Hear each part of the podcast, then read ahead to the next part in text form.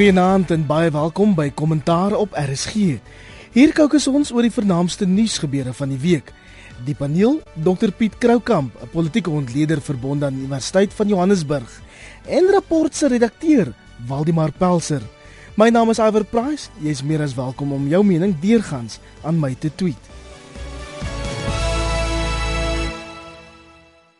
Meneer, kom ons begin by die diensleweringsbetogings wat steeds reg oor die land voorkom en wat waarskynlik tot lank na die verkiesing met ons sal wees.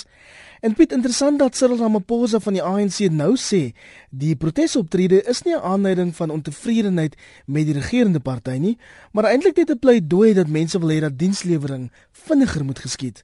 Ek dink wat hy eintlik wou gesê het is dat mense bewus is daarvan dat dienslewering in bepaalde areas baie goed is en dat hulle dan nou op 'n manier gekonfronteer word met die feit dat dienslewering in hulle area baie swak is. Maar ek dink die ding is waarskynlik 'n bietjie meer ingewikkeld as dit.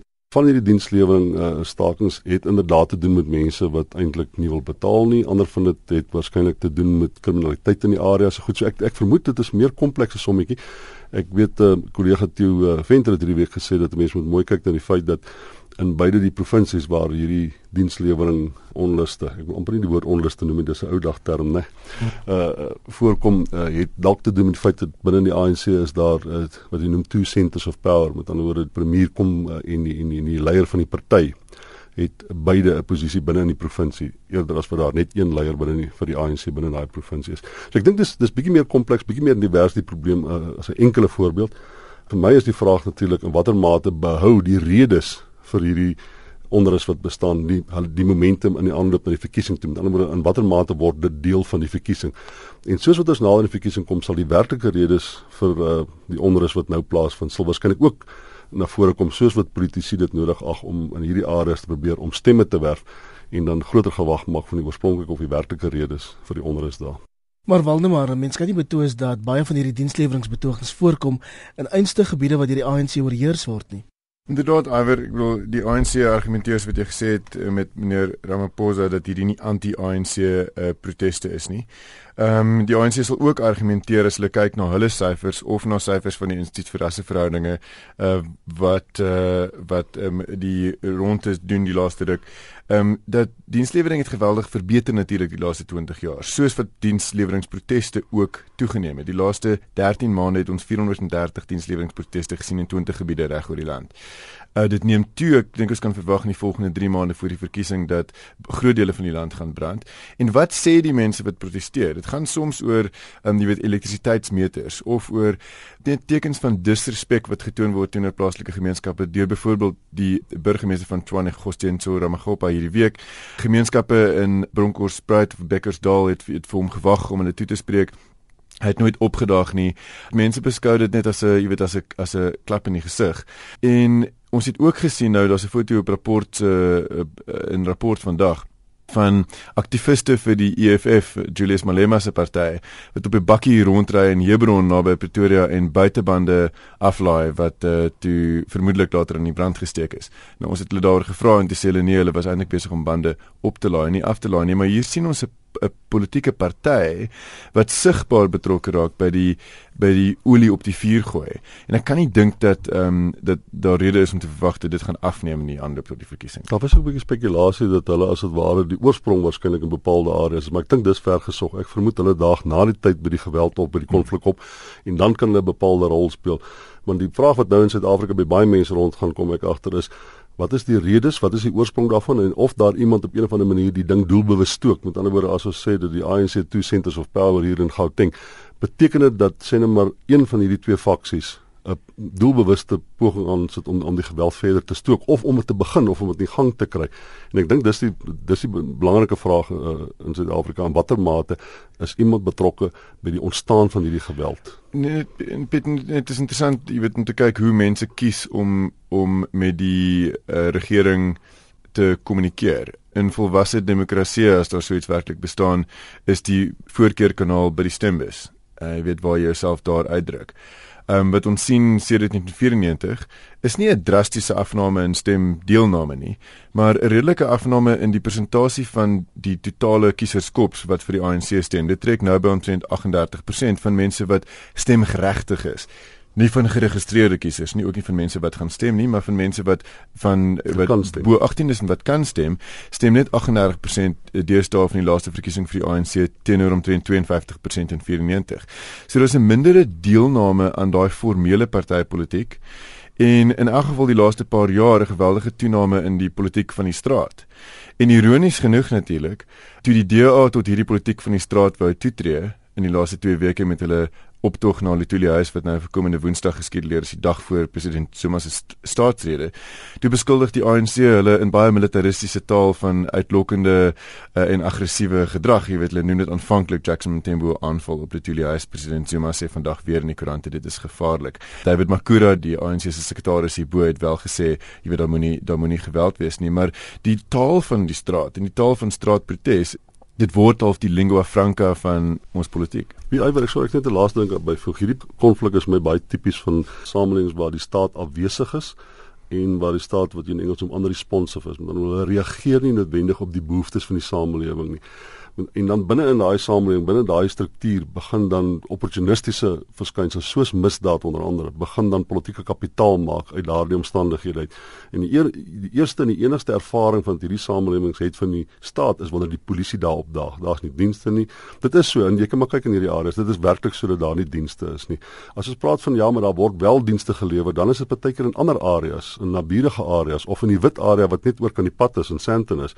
Maar die feit bestaan is die kontras tussen die dienste wat gelewer word in middelklas areas soos ons en, en dit wat jy daar sien dis werklik die rioolloop in die straat af. Die water is meerendeels of bestaan nie of dit is vuil. Die elektrisiteit is of duur of jy het nie toegang tot daar nie of daar's alreeds 'n kriminele element wat vir jou koppel en dan word dit ontkoppel en dan veroorsaak dit allerlei reaksies binne die samelewing. So hierdie is 'n tipiese ding wanneer die staat as of afwesig beskou word of oneffektief beskou word, maar die grootste deel van hierdie samelewings ervaar waarskynlik die staat is baie afwesig. Dit is hoekom hulle so dikwels vir jou sal sê die enigste manier wat jy reaksie uit die staat het kry is wanneer jy moet geweld dreig. Jy moet toi toi en dan moet jy begin goed brand. Jy kan maar kyk in al hierdie gevalle was die aksie was gerig teen die polisiestasie, teen die munisipaliteite. Dis alles die plaaslike regeringsstrukture wat deurloop onder die geweld. Ek wil net om by Piet aan te sluit. So twee interessante net waarnemings oor die oor die polisie. So hierbo in Gauteng waar die meeste van die proteste die laaste ruk voorgekom het, het die het die polisiekommissaris die afgelope week oor die radio gesê dat daar's groot wel nie groot dele nie, maar daar's daar's plekke in die provinsie waar die verhouding tussen die gemeenskap en die polisie totaal en al verbrokkel het. Hy het gesê dit gaan bloed en sweet verg om dit te herbou en ons weet uit ervaring in die apartheidstyd, weet as daai verhouding verbrokkel, as daai sosiale kontrak verbreek word en mense eintlik nie meer vertroue in die polisie het nie dan ehm um, verloor die polisie ook sy vermoë om wet en orde op 'n heel banale vlak, jy weet, van petty crime tot enigiets te handhaaf. En vir die polisiekommissaris om so iets te erken is nogal is nogal uh, nogal deurslaggewend. En in tandem hiermee natuurlik in die Wes-Kaap het ons op die oomblik die Oregon Piccoli kommissie van ondersoek na na die totale ineenstorting van die polisie in Khayelitsha die Kaapstad. Waar Willem Zimbabwe maandag gedraai gemaak het daar nadat sy niggie of sy klein niggie 3 weke gelede vermoor is. En hy sê toe maandag dat weet die gemeenskap almal het geweet waar die man bly wat beskuldig is daarvan dat hy haar vermoor het. Niemand was bereid om die plek uit te wys aan die polisie nie. Daar was net geen vertroue dat die polisie sal optree, 'n eh, arrestasie eh, tot gevolg sal sal hê en in die belang van die gemeenskap sal optree nie. En dit is deel van 'n verbrokkeling van hierdie sosiale kontrak dat daar dat daar 'n gebrek aan vertroue is en dit moet ons nogal bang maak. En net om daarbey aan te sluit, lank na Marikana en die onlangse gevalle waar van die betogers glo deur die polisie doodgeskiet is, het president Jacob Zuma oor die naweek onder polisielede ingeklim en Piet die president sê nou hulle dringend intensiewe opleiding nodig. Ek wonder of dit nie bietjie mosterd na die maal is nie. Ek verstaan wat jy probeer sê, maar ek vermoed dis nooit mosterd na die maal nie. Die polisie is in geweldige swak toestand. Ek dink jy kan maar net na Johan Burger by ISS luister en dan sal hy vir jou vertel dat die polisie is nou waarskynlik hulle het geen vermoë om basiese orde te handhaaf nie en wanneer hulle in konflikareas, wanneer hulle in konflikareas moet optree, dan is hulle vermoë hulle opleidingskapasiteit is eenvoudig so beperk dat hulle geen vermoed om te reageer behalwe om 'n vorm van geweld toe te pas nie. Hulle kan nie orde handhaaf nie, hulle moet geweld gebruik om orde te handhaaf. So ek dink uh, president Zuma moet bewus wees van die gesprek wat aangaan in Suid-Afrika en die argument dat die polisie op hierdie stadium eenvoudig nie die kapasiteit het om behoorlike orde te handhaaf nie, maar ek dink hy moet dit selfs verder vat en hy moet ook besef dat daar nie vertroue in die polisie is nie, dat daar nie vertroue in plaaslike regeringsstrukture is nie en dat daar uiteindelik ook nie vertroue meer waarskynlik in sy kantoor is om hierdie ding reg te kry. Ek dink dis die grootste probleem as ons vir ons self vra wat is die waarskynlikheid dat ons 'n program kan aanpak wat hierdie goed regkry, wat die polisie regkry, wat staatsfinansies regkry, dan moet ons ongelukkig vir onsself sê daar's nou geen tekens dat daar 'n spesifieke proses en 'n program aan die gang is om hierdie goed reg te druk nie. Dit lyk daarom asof die staat bewus word van die swakhede, maar my vraag is, wat is die vermoë van die staat om hierdie goed weer reg te druk? Ek weet nie hoe moet ons die polisie, polisie nou struktureer onder PEGA om hom so te kry dat hy weer 'n instelling van orde en van van van van van positiewe reaksie en positiewe verhouding met die samelewing is. En dit vat normaalweg dekades om te herstel. Waldemar, weet net oor die herstel van daai verhouding. Johan Burger ehm um, analitief praat vandag met hom 'n rapport en hy ekho wat Wabi maandag gesê het in Kailicha en dis dat om vir Bega die rol te gee, die werk te gee, sy het sy se werk gegee wat nooit hare was nie. Sy kan dit nie doen nie. Sy weet nie hoe die binnekant van 'n polisiestasie lyk nie. Dit is ook nie die manier om dit te doen nie. Ons het 'n lang rekord nou van bedenklike aanstellings in die polisie. Burger praat verdoemend oor sy tyd uh, saam met Jackie Celebi natuurlik in dis daai jare wat hy self weg is by die polisie. Nou om Becky Kelle en nou en nou Piega wat duidelik uit haar diepte is wat begin het 'n paar weke of maande voor Marikana nê. En uh, en dit het nie eintlik verbeter sedert nie. Wat die polisie natuurlik sê en Burger weet praat simpatiek uh, ook hieroor is dat die skares en die gemeenskappe waarin die polisie nou polisieer is ook het ook 'n groter aptyd vir geweld. Jy weet die die spiese en so wat hulle gebruik is omtrent dieselfde spiese wat gebruik is 100 150 jaar gelede jy weet op op Zulu slagvelde in sekere dele van KwaZulu-Natal. So die polisie se taak is besig om moeiliker te raak maar hulle vermoë om jy weet om hierdie uitdaging die hoof te bied en so aan is nie besig om om daarmee saam toe te neem nie. Maar wie wilde maar ek net 'n ander vraag daaroor. Selfs al besluit die president uh, dat daar moet nou iemand wat deur die strukture gekom het van die polisie moet aangestel word. Ek dink op 'n stadium gaan ouens af en toe daar soveel kaderontplooiing plaasgevind. Daar daar soveel van hulle jy noem institutional fitness verlore gegaan die, met die spesialisteenhede wat weg mee gedoen is. Hmm. Dat eintlik is daar nie werklik uh, individuele kapasiteit om in die plek van PG aan te stel nie en selfs al het jy dit gaan daai persoon nie die vermoë hê om te heers en regeer oor al die strukture wat daar bestaan nie want dit is te gefragmenteer. Daar's te veel ander individue met met met uh, met gesag wat buitensporige gesag is wat hy aanwend vir opportunistiese wyse. Eintlik die hele polisie struktuur moet 'n mens as jy kon met hom uithaal en jy met hom vervang met iets anders wat behoorlike opleiding gekry wat totaal van voor af gekom het. Maar die feit bestaan is dan gee jy die beginsel op van van van uh, hierdie uh, uh, institusionele fitness wat jy nodig het Soos dit nou is, nee, ek dink nie daar's 'n blouprint of 'n prentjie wat jy kan voorstel wat hierdie ding kan regkry binne die volgende 10 jaar nie. En deel van die probleem volgens meneer Zuma is wat hy noem die nalatenskap van apartheid geweld. Hoe voel julle daaroor, Waldemar? Die verbrokkeling van die vertrouensverhouding dateer inderdaad uit daai dae uit, maar dit sou Ek dink bietjie uh, lui van die president wees om dit om dit as die enigste rede vir die vir die probleme in die polisie te beskou. Ek sê miskien nou wat dink is dat die armoede probleme is geskep deur die apartheid staat in groot mate. Ek dink daar sal waarskynlik altyd arme mense gewees in Suid-Afrika, maar hierdie geweldige groot arm gemeenskappe wat in informele nedersettings leef, het sy ontstaan en oorsprong uit die regverdigings van apartheid. My vraag is net wat het die staat sedertdien gedoen van 94 af om dit aan te spreek op een of ander wyse? En ek vermoed met onderwys en opleiding dink ek met werkskepping van hierdie goed speel baie baie direk in as veranderlik is op die redes vir die geweld wat ons vandag het. So mense kan argumenteer die aparte staat het die probleem geskep. Ek dink tog veral in tyd toe ons 'n surplus in die budget gehad het hier rondom Trevor Manuel se tyd kon ons baie baie meer gedoen het om die probleem aan te spreek en waarskynlik het ons nie. So ek dink die aparte staat het die probleem geskep en die demokratiese regering het miskien te min gedoen om die probleem reg te maak. Nou, ek wil net net nog 'n verskynsel waarvan die wortels gedeeltelik in elk geval in die apartheid tyd lê is die twee verskillende reaksies op 'n polisiemag wat nie meer vertroue inboesem nie. Eerstens onder arm gemeenskappe waar polisiestasies afgebrand is die laaste paar weke. Ehm um, en die polisie regtig moeilike tyd het. En tweedens in middelklas woonbuurte waar die polisie hoe genaamd nie meer opgereken word of op staat gemaak word om wet en orde te handhaaf nie. Uh waar jy algehele privatisering van sekuriteitsdienste gesien het en daar's nou meer private sekuriteitswagte in die land as as polisie. Ja, 600 000 van hulle. Jy weet so daar's hierdie privatisering waar mense dit kan bekostig onttrek hulle sê hulle ons het die polisie dalk soms nodig maar ons is nie bereid om van hulle afhanklik te wees nie. En in die ander buurte is daar is daar openlike vyandigheid. Intussen het Suid-Afrikaners se besware oor dienslewering ook plek-plek die onafhanklike verkiesingskommissie se registrasieveld tog geknou gegee. Dis nou oor die afgelope naweek. Mense het nog tot 5uur vanaand gehad om te registreer vir die verkiesing wat nou op 7 Mei gehou sal word. En Piet, ironies dat baie mense met diensleweringsbesware juis na die OVK se prosesse teiken. Ek dink hulle hulle teiken enige vorm van gesagsstrukture of enige vorm van teenwoordigheid van wat hulle assosieer met die staat. So ek dink nie dit gaan spesifiek met die ANC nie, maar dit kan ook wees dat hierdie ding sy momentum behou na die verkiesing toe en dat soos wat ons aangaan, uh, dit sal vir my baie baie donker dag wees as ons met die verkiesing aankom en jy kan die stemlokale opsit nie as gevolg van die geweld en omdat die stemlokale geteken word en ek dink hierdie kan dalk die eerste tekens daarvan wees dat ons 'n baie baie ons eerste heel eerste verkiesing wat ons gaan hê wat daar waar geweld 'n pertinente rol speel in in in wat wat gebeur by die uitslag van die verkiesing. En die ander ding is dit kan 'n momentum opbou. Die ANC se grootste vrees is dat geweldig baie mense wat tradisioneel vir hom gestem het, eenvoudig net nie gaan stem nie. So as daar baie geweld is en dit word spesifiek gemik teen die ANC en teen stemkantore, dan kan jy so half 'n effek kry dat dit in ander areas ander informele nedersettings, ander arm areas, ander areas waar die ANC tris, uh, ondersteuners tradisioneel bly, dat die mense daar ook laag stem. En ek dink ons het dit 'n bietjie in pot gesien, die stempersentasies was geweldig laag. Dit is plaaslike regeringsverkiesings gewees wat tradisioneel relatief laag is, maar van daai areas was soveel as 16% van die mense gaan stem.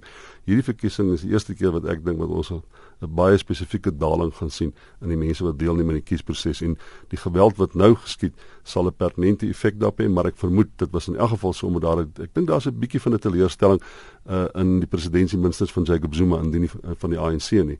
En ek dink dit sou uniek is 'n bietjie dalende uh, neiging teweeggebring het binne die verkiesings, maar hierdie geweld gaan baie spesifieke effekte op mense se deelname aan die verkiesing as dit aanhou. So eerder 'n weg bly stem as 'n stem vir verandering. Maar jy weet in die vorige paar verkiesings waar met die oppositie en vernaam die DA baie goed was, was om hulle kernbasis te mobiliseer om te registreer en te gaan stem. Die stempersentasie in onder die DA kiesers uh, of of ondersteunerskorps geweldig hoog gewees. Dit is 80%. Absoluut, absoluut uitstekend. En daar's 'n gevaarlike gedagte dat dit op 'n manier goed, goed kan wees vir die politiek. Jy weet as die ANC se ondersteuners sou wegbly en dan die DA hulle lippe dan aflek vir jy weet 'n groter 'n groter deel van die koek. Dis 'n baie gevaarlike toekomsidee daai.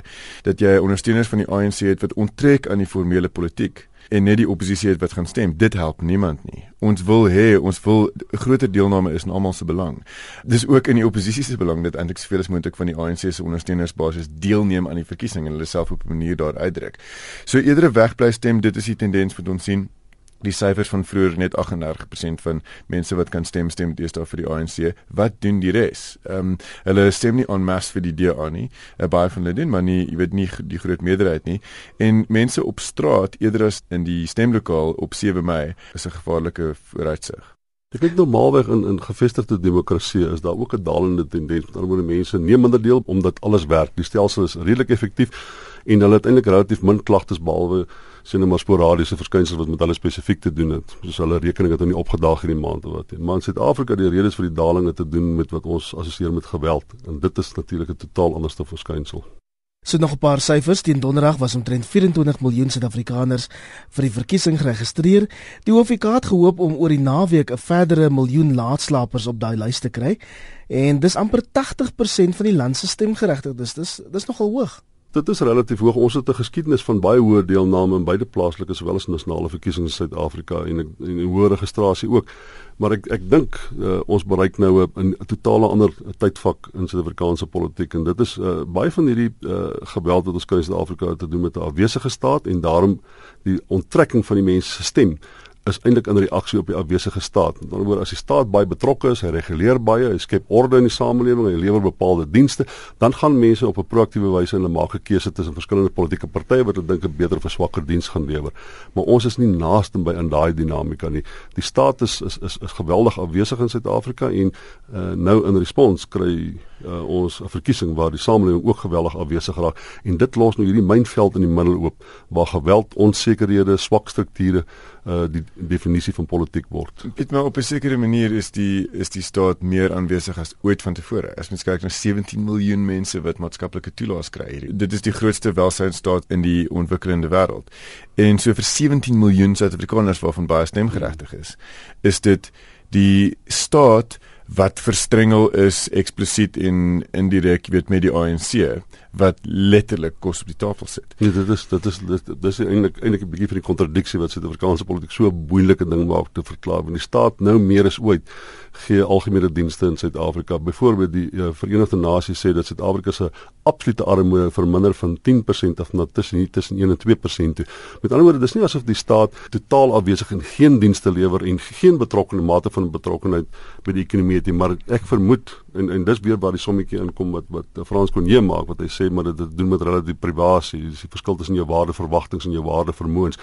Almal in Suid-Afrika kan ek net vir jou sê is beter af as in 1994 die middelklas die rykes en die armes in Suid-Afrika. Op 'n breë skaal is arm is almal meer uh, beter af. Maar miskien moet die mense kyk na bepaalde areas en vra die vraag of daardie area ook want in die breë is ons almal beter af maar daar sal altyd areas wees wat agterbly miskien het Bekkersdal wat dienste aanbetref agtergebly miskien het die areas waar ons hierdie geweld en konflik sien het hulle bietjie agtergebly by die naburige areas. Miskien is hulle reg oorkant uh Sandton geleë en die mense sien oor die draad of daar waar hulle gaan werk, maar wat daar gebeur en wat hier gebeur. Maar maar ek weer eens ek dink dis dis te komplekse som om te sê hier is een enkele rede vir die geweld. Ek vermoed dit het met baie verskillende dinge te doen. Maar die feit bestaan is nê, almal in Suid-Afrika is beter af as in 1994. En terloops, ek sien die president was nogal vies vir die Weskaapse premier Helen Zille wat Vrydag bietjie sy kolle gesteel het deur die verkiesing te tweets het amper die verkiesingsdatum ook net sowel weggegee. En interessant dat meneer Zuma haar deur middel van 'n media verklaring so oor die vingers getik het, Waldemar. Maar Mac Maharaj het die oggend van die aankondiging gesê, jy weet dat hulle weet duidelik iets wat hy en die president nie weet nie. Hy het baie naby daaraan gekom om te sê nee, die datum gaan nie aangekondig word nie, maar natuurlik daai verklaring was 'n bietjie versigtiger. Dit het net gesê dit was 'n vertroulike gesprek wat die president gehad het met sy kabinet en die premier is betrokke en dis baie interessant. So hulle hulle was deel van die van die gesprek met die presidentsiële gastehuis en so nou geen van die ander premiers het het uitgepraat nie. Dis interessant dat oor die laaste paar jaar of sedert sy premier is van die Weskaap was daar nie eintlik veel gevalle waar daar sulke openbare twis was oor wat sy weet as lid van daardie binnekring en wat sy nie behoort te doen volgens die regering uh, jy weet as 'n lid van die oppositie nie? Tog interessant. Maar nietemin toe kom die datum 7 Mei kort na die viering van 20 jaar uh, van demokrasie. En ek wonder tot watter mate die ANC gaan slaag daarin om te kapitaliseer op die prestasies van 20 jaar Want wat gebeur het met oud-president Mandela se dood in Desember is dat baie mense het voorspel dat dit gaan 'n baie vriendelike lig op die ANC skyn, weet dat die ANC gaan eintlik goed vaar in openbare mening en so aan in daai tyd omdat omdat jy weet hulle gaan eh, Mandela se nalatenskap uh, jy weet gebruik om hulle self te poets. Maar eintlik wat dit gedoen het is dit baie onvleiende 'n kontras geskep tussen die Mandela era en die Zuma era. Nou ek wonder in aanloop tot die 20 jaar viering, jy weet in die verkiesing wat so kort daarna plaasvind, of mense liewer bewus gaan wees van dit wat ons nie reg gekry het sedert 94 nie en of die en of die regering gaan slaag daarin om te sê kyk net na die vordering en soos wat Frans al ge, geargumenteer het en Piet het nou daarna verwys, daar was baie vordering. Ehm um, gaan die ANC daai boodskap kan verkondig? Hy wil ek net eendag terug beweeg na uh, die punt wat jy begin maak, dit was eintlik 'n belangrike punt. Dit is die prerogatief van die president om die verkiesingsdatum af te kondig. Helen Zille het hom voorgespring op ek dink wat op baie opportunistiese manier is. Sy daar gesit en sy het minstens geïmpliseer dat die die datum vandag gaan afgekondig word. En ek dink daai die totale ritueel daar rondom is die normaalweg die prerogatief van die president. Wat McMaraas waarskynlik vir die president gesê het, kom ons skuif dit met 'n dag aan sodat sy verkeerd is verstaan want dit was onregverdig dit was nie reg van haar om dit bekend te gemaak het nie.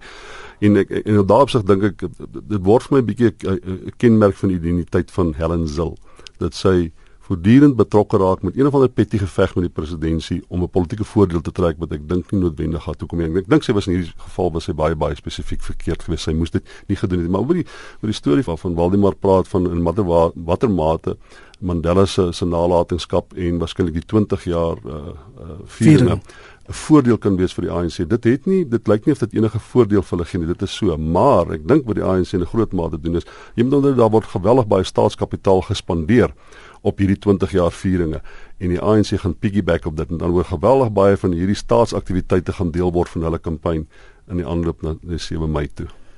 Maar nee, ek wil jou nou jou lys nou nie voorspring nie, maar dit dit bring ons in 'n mate by die punt van uh, finansiering van politieke partye want hierdie is nie geld wat Piet sê wat na die ANC toe vloei nie.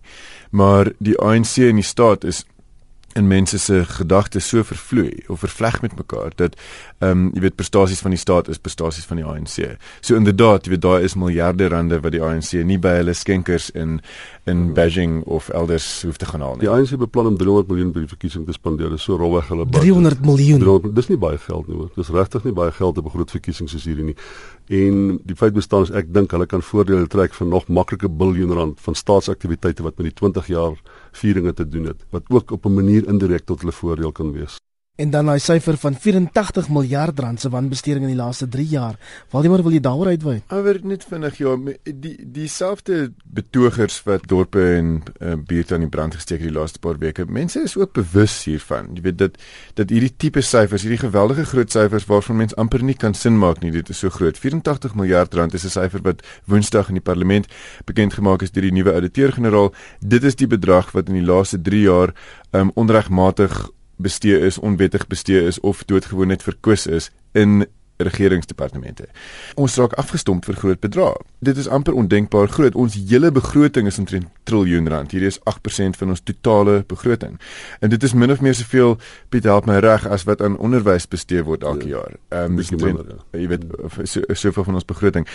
Uh, mense is hiervan bewus, maar jy weet daar's 'n magteloosheid wat ook posvat om te sê hoe reageer mens op sulke nuus. Ja, weet jy die negatiewe persepsie wat oor Jacob Zuma bestaan, as jy vir mense vra en meningsopnames wys ook daarop. Die negatiewe persepsie wat ontstaan is gaan oor die term korrupsie. En dit was in hierdie plaaslike geweld hoor jy ook daar was korrupsie. Met ander woorde hier's iemand hier wat 'n bepaalde finansiële voordeel trek wat ons nie het nie. Ek vermoed iets daarvan het baie daarmee te doen. Soos wat die staat toenemend daarvan beskuldig word dat hy korrup is en soos wat dit toenemend duidelik word dat daar te veel korrupsie is dat dit teen 'n geweldige prys kom. Jy moet net onthou wanneer mense korrupsie pleeg, vat jy nie geld van die rykes weg nie. Jy vat geld van die armes weg want dit is geld wat jy sou gespandeer het om armoede te verlig. Elke sent wat op 'n kant lag gespandeer het wat nie daar moes gespandeer sou in effek gespandeer gewees het op arm gebiede want ek kry klaar goeie dienste. Ek word klaar op 'n bepaalde manier gediens deur die staat dit is die wat nie gediens word nie wat kan aanspraak maak op daardie geld wat verkeerd gespandeer is. En dit is korrupsie kan ek net vir jou sê gaan amper ek dink die kernwoord in hierdie verkiesing in arm gemeenskappe wees. Hulle gaan elke ding wat nie moet gebeur nie wat moet gebeur, elke ding wat verkeerd is gaan hulle vir jou sê dit is as gevolg van korrupsie. En dit is ek dink hoekom Zuma aan die firing line van hierdie mense gaan wees. Dit is hoekom in Gauteng in die Noordwes is president Zuma se populariteit op sy laagste. Hoekom? In die areas waar die geweld die hoogste is en waar die gedagtegang van korrupsie is pertinent hier uh, meer dikwels geuiter word as op ander plekke.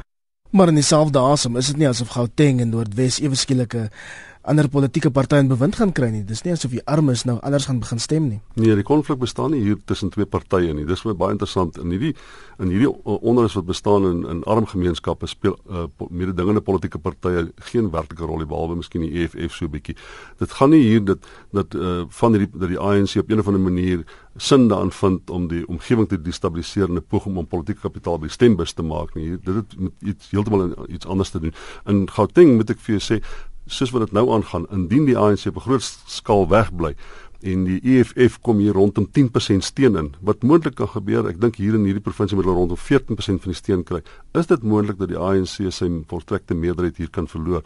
Maar ons weet ook dat die EFF en die DA se goeie bedmats maak, so die EFF sal dan nou saam met die ANC in die bed spring en hulle sal 'n disproporsionele tipe van verteenwoordiging vereis. Ek kan my byvoorbeeld byvoorbeeld indink dat hulle sê Julius Malema moet die premier wees in hierdie provinsie, anders anders gee ons die provinsie vir die DA. Kies wie saam met wie hulle wil wees. Intussen sukkel die DA leier Helen hulle steeds om die vure dood te slaan na die DA na gang se nou mislukte samesmelting. Mevrou Zille het oor die naweek gesê Dr Mampili Rampili was van die begin af van plan om te onttrek sodra sy die skenkersgeld gekry het. Waldemar, dis nog 'n woeste uitlating. Ja, I weet baie interessant die die die kritiek van Zille teenoor haar voormalige beste vriendin. Ehm um, was nogal heel persoonlik die laaste week. Dit is interessant dat beide die besluit om te trou en die besluit om te skei het rondom weet persoonlike weet persoonlike kwessies en vriendskap en so aan albei ter sprake gekom. Die besluit om te trou natuurlik daar het hulle gesê dis hierdie dierbare vriendin vir my ons het ons kinders saam groot gemaak en so dit was regtig nog al 'n aandoenlike affære. En toe hulle skei het hulle se aanvalle op op Rampelle baie vinnig nogal persoonlik geraak. Jy weet waar sy gesê het sy het dadelik net gepraat oor oor haar integriteit en so en ek ek ek moet sê ek moet met haar saamstem. Uh, maar hierdie week was die is die derms uitgereik natuurlik oor hoekom hulle eintlik getrou het. En die gesprek het gegaan oor partytetiese finansiering en oor die feit dat albei het gesê hulle het verwys na 'n skenker of skenkers uh, Rampele na een skenker wat almal gesê het luister ons sal net geld gee vir die oppositie projek in Suid-Afrika as die DA en Agang met mekaar saamwerk.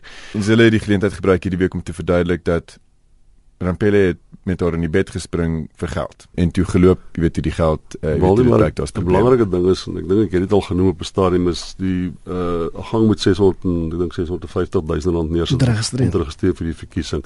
En ek dink baie van hierdie verhouding of hierdie huwelike te doen gehad. So goed, ons het een van die samewerkingsooreenkomste, maar die DA is ek amper 100% seker sou die sou daai rekeningkie opgetel het vir 'n gang. Dis hoe Mampeli se kop gewerk het sê Julle betaal die rekening vir ons registrasie en dan wanneer ons in die parlement kom, dan word ek genomineer en ek sal op my eie stoom in die parlement kom, maar dan as 'n as 'n as 'n teken van goeie trou en ons samewerking na die verkiesing sal julle my as die natuurlike opponent vir presidentskap opponeer uh, vis-à-vis Zuma dan. Nou.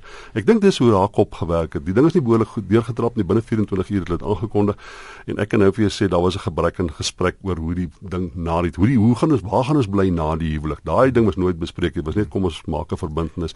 En ek ek ek vir my is Helen Zil se reaksie is vir ek ek ek kan vaar mense kan seker sê maar dit is daar's daar's werklikheid in haar in haar negatiewe reaksie op Rampedi, maar die feit bestaan is dis my baie baie sleg. Dit is my amper opportunisties om op so 'n geweldige persoonlike vlak die aanval te loods. Jy sal sien Rampini het nie een keer hierdie week 'n persoonlike aanval geloods nie. Sy het bly praat oor wat verkeerd gegaan het in die organisasie struktuur van hierdie potensiële samewerkingsooreenkomste.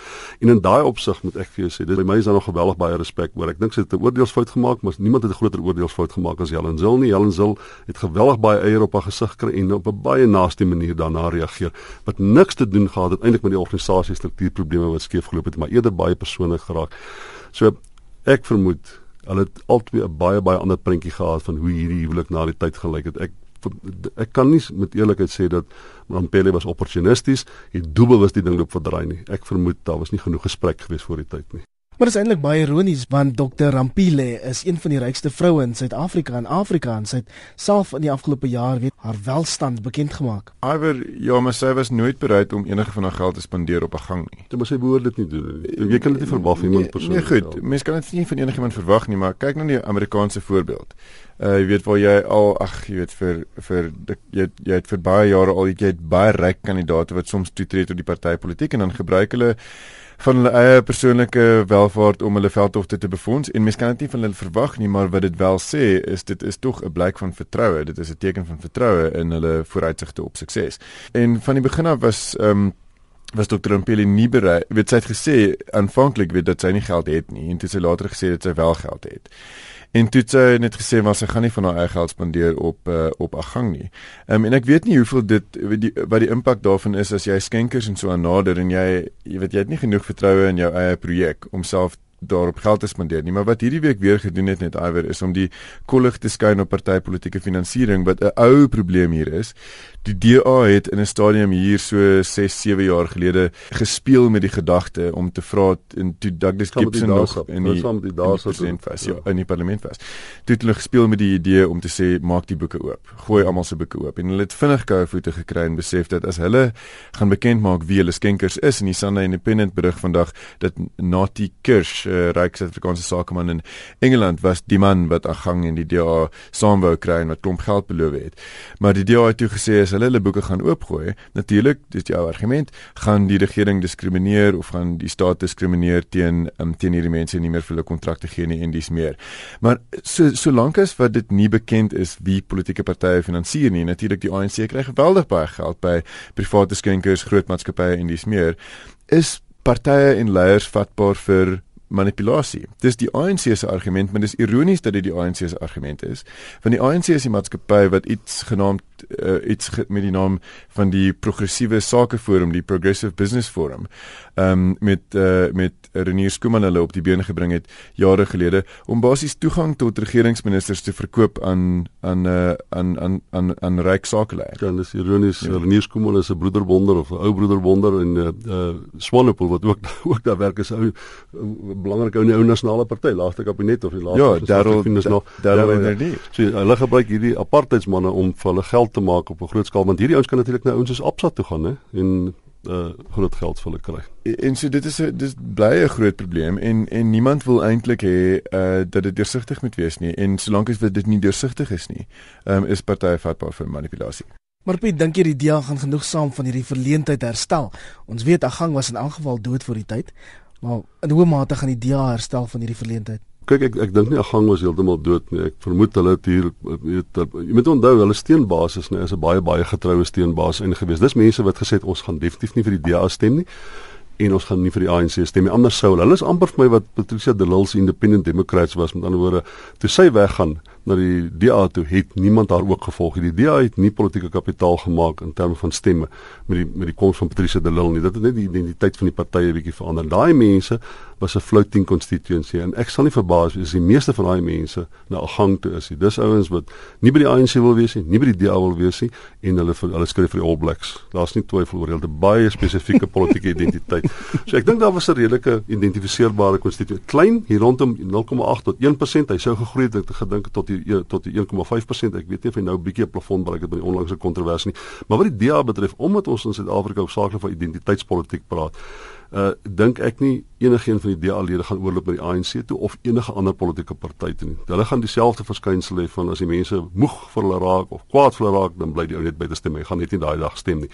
Maar omdat hulle so 'n identiteitsgedrewe politieke party is en omdat hulle mense normaalweg hier rondom 80% stem, ek dink nie jy gaan dit kan meet enigsins op 'n skaaltjie van in watter mate het hierdie hulle skade berokken. En jy moet onthou daar's nog baie daaroor na die na die verkiesing toe en hierdie insident kan eintlik maklik agter die kollektiewe gedagtegang van die van die van die stemmers geplaas word en dan kan aanbeweeg. So 3 maande voor die verkiesings, stem jy saam?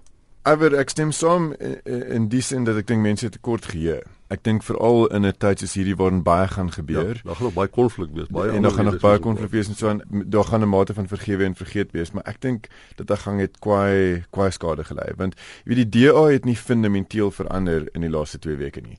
Agang het, het skielik aangekondig sonder dat hulle leierskap wat nie eintlik bestaan het nie, daarvan geweet het dat hulle saam met 'n ander party gaan werk en glad nie in 'n deal wat nooit heeltemal duidelik was nie en toe onttrek op 'n manier wat niemand tot eer gestrek het nie. Beslis nie vir Dr. Rampelle nie. En beslis ook nie vir Helen Zille nie maar ehm um, Rampelle hier is die groter verloorder reken ek. Want ja, ek ek dink hoe genaamd nie haar integriteit is uh, bo verdenking na hierdie laaste paar weke nie. En ek dink baie mense wat oorweeg het om vir haar te stem gaan nou uh, jy weet liewer wegbly. Ek weet sy het geen tekens getoon die laaste jaar dat sy 'n uh, steunbasis kon opbou of op populêre vlak. Met ander woorde groot groot skades kon lok um, in Limpopo waar sy gewerk het as 'n dokter vir baie jare. Of dat sy uh, in die middelklasse regtig impak gehad het nie. Niemand was bereid nie een prominente Suid-Afrikaner was bereid om hulle by haar te skaar in die leierskap van 'n gang nie. Sy het groot beloftes gemaak. Sy's 'n vrou wat groot praat en groot droom. En sy het groot beloftes gemaak met die bekendmaking van haar party dat 100 prominente Suid-Afrikaners sal aangekondig word as deel van die partyleierskap daar was nie een nie. Om die waarheid sê daar was een en dis sy self. So ek dink hulle het groot skade gelei. Dit is altyd gevaarlik om oor presentasies te praat, maar selfs voor hierdie drama, uh, jy weet dit baie min mense vir agang meer as 1.52% ehm um, ja, gegee van 0,81% ja. 0,81 en die EFF ehm um, kry dit net reg om oral teenwoordig te wees. Hulle is sigbaar teenwoordig. Jy weet jy gaan na die Spur in Centurion, daar sit iemand met 'n rooi berei. Dis baie baie interessant. Hulle het 'n manier om in die kollig te bly. Ehm um, danksy die geniale ehm um, jy weet 'n strategie wat betref openbare betrekkinge en so van Julius Malema. Selfs hierdie hofsaak van hom en môre moet hy nou sekwestrasie probeer afweer in die hof. Alles dien om hom in die koerante te hou en in die nuus. Maar Waldemar nie een van hierdie ouens, nie die EFF of Agang het 'n waarneembare steunbasis gehad histories nie. Albei van hierdie partye maak staat op 'n protesstem. Die uh, EFF maak daarop staat dat arme mense baie kwaad is vir die regering oor hulle geen dienste kry nie in die afwesige polisie en daarom stem ons EFF. Agang het ook staat gemaak op 'n protesstem. Dis mense wat protesteer teen beide die ANC en die DA. Nou mense wat uit protes stem met 'n ander dinamika as mense wat 'n proaktiewe stem lewer. Daai mense sal beteken ten spyte van die feit dat hulle geweldige probleme met die party het, nog steeds vir die party gestem want jy moet onthou hulle stem in reaksie op dit wat as die kollektiewe vyand beskou. So my my gevoel is en dis moeilik dis dis nou ek blaas ek net oor my duim en my Waldemar se punt kan so goed soos my nie wees. My gevoel is dat die uh, gang gaan nog steeds rondom 1% inkom in hierdie verkiesing. Nie omdat daarmee noodwendig geïdentifiseerbare steunbasis histories was nie, maar omdat daar nog steeds baie mense is wat nie vir een van hierdie twee partye wil stem nie en uit protes vir daai party gaan stem. Fluit fluit ons storie is uit dis al vir tyd het vanaand hier op kommentaar. Baie dankie aan Piet Kroukamp, 'n politieke ontleder verbonde aan die Universiteit van Johannesburg. Dankie Piet. Aan. En rapport se redakteur Waldimar Pelser. Dankie Iver, goeienaand luisteraars. My naam is Iver Price, bly ingeskakel vir Finansiële Fokus.